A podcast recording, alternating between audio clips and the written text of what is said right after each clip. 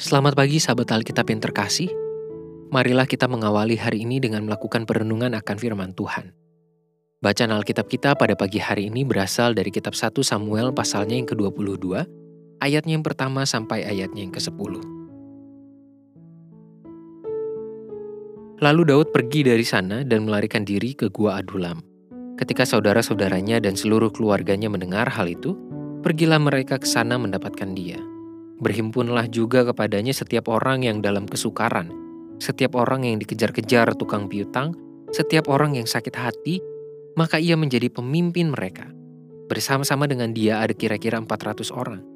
Dari sana Daud pergi ke Mispa di Moab dan berkata kepada Raja negeri Moab, Izinkanlah ayahku dan ibuku tinggal padamu, sampai aku tahu apa yang dilakukan Allah kepada aku. Lalu diantarkannyalah mereka kepada Raja negeri Moab, dan mereka tinggal bersama dia selama Daud ada di kubu gunung.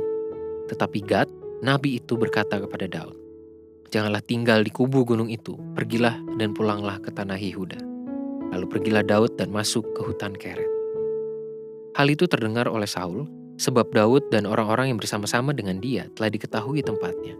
Adapun Saul ada di Gibea, sedang duduk di bawah pohon tamariska di bukit dengan tombaknya di tangan dan semua pegawainya berdiri di dekatnya.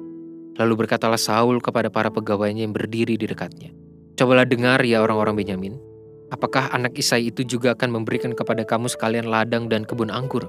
Apakah ia akan mengangkat kamu sekalian menjadi kepala atas pasukan seribu dan atas pasukan seratus? Sehingga kamu sekalian mengadakan persepakatan melawan aku.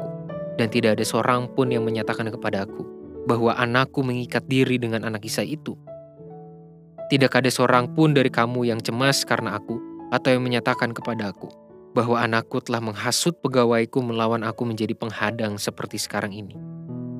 Lalu menjawablah Doeg orang Edom itu yang berdiri dekat para pegawai Saul, katanya, Telah kulihat bahwa anak Isa itu datang ke Nob kepada Ahimelech bin Ahitub. Ia menanyakan Tuhan bagi Daud dan memberikan bekal kepadanya. Juga pedang Goliat orang Filistin itu diberikannya kepadanya. Kisah hidup Daud memang penuh dengan intrik dan drama politis. Meski begitu, di tengah segala kemalangan dan ketakutannya sebagai musuh politis Raja Saul, Daud tetap memiliki banyak hal yang patut disyukuri. Paling tidak, dia masih memiliki komunitas yang selalu setia memberikan dukungan dan menjadi lingkaran terdalam bagi dirinya. Komunitas ini terdiri dari keluarga dan orang-orang asing yang Daud temui di perjalanan yang merasa senasib dengan dirinya. Dari komunitas inilah Daud mendapatkan support system yang juga memampukannya untuk menghadapi pergumulan tersebut. Petualangan pelarian Daud masih terus berlanjut. Perbedaannya, kali ini Daud tidak melakukannya sendiri, melainkan bersama dengan orang-orang yang bersedia untuk berjalan dengan dia. Mereka mau berjalan secara harfiah maupun secara emosional dengan Daud melewati lika-liku kehidupan. Dan Daud tetap mengambil tanggung jawab untuk memikirkan perlindungan bagi mereka, meski dia sendiri membutuhkan perlindungan itu. Sangat mungkin, inilah salah satu dimensi personal Daud yang membuat keluarga dan orang-orang asing itu memilih untuk bergabung bersama Daud, meski perjalanan itu tidaklah mudah, bahkan penuh dengan ancaman. Komunitas adalah elemen hidup yang penting untuk dimiliki setiap individu manusia. Pada dasarnya, setiap kita membutuhkan komunitas untuk dapat mengalami pertumbuhan dan perkembangan. Sebagai umat percaya, komunitas pun memiliki peran sebagai organisme iman. Artinya, setiap anggota dalam komunitas itu akan saling terkait dan memengaruhi, entah secara perspektif, karakter, dan iman.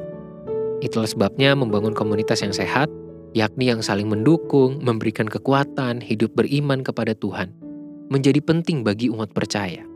Paling tidak, kita dapat memulainya dari keluarga, jemaat, hingga lingkungan masyarakat yang cakupannya jauh lebih besar.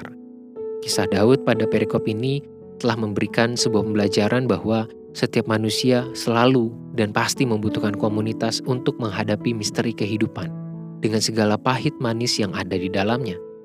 Keluarga dan orang-orang asing yang bergabung dengan Daud adalah pewujudan berkat dan penyertaan Tuhan bagi dirinya menghadapi kerasnya pelarian sebagai musuh politis.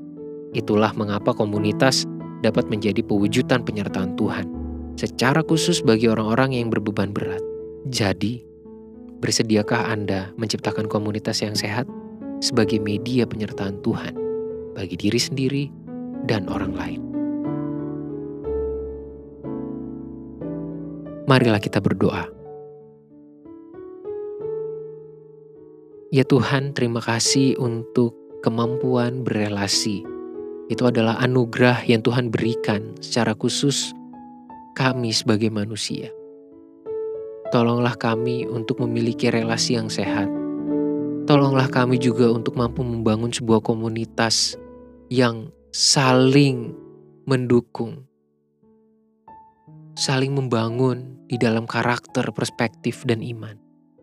Biarlah kami dapat menciptakan itu dimulai dari keluarga kami, dari jemaat kami bergereja, dan komunitas masyarakat di mana Tuhan menempatkan kami di dalamnya. Hanya di dalam nama Tuhan Yesus kami berdoa dan menyerahkan kehidupan kami. Amin.